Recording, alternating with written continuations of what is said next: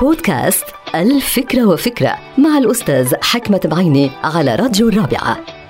فكرة اليوم لها علاقة بمبدأ التسامح. كلنا بنعرف إنه نحن البشر لازم نسامح بعضنا البعض وهذا شيء طبيعي. ولكن إذا عرفنا أكثر إنه هناك مئات وآلاف من الأعصاب والعضلات والأجهزة والأعضاء اللي بتشتغل بجسمنا بشكل لا إرادي. يعني العقل والدماغ لا يستطيع أن يتحكم بها الاعضاء والأجهزة والأعصاب. اذا هناك مجموعة من المناطق اللي تعتبر حكم ذاتي داخل جسد الإنسان. وهناك انفعالات لا اراديه أو أفعال لا اراديه لا نستطيع التحكم فيها. إذا كلنا عرفنا انه الإنسان هو جزء من هالأفعال الاراديه واللا اراديه علينا أن نتسامح أكثر علينا أن نتفهم أنه أحيانا هناك قضايا ومسائل تأتي بشكل لا إرادي رجاء التسامح والتسامح والمزيد من التسامح مع الإخوة مع الجيران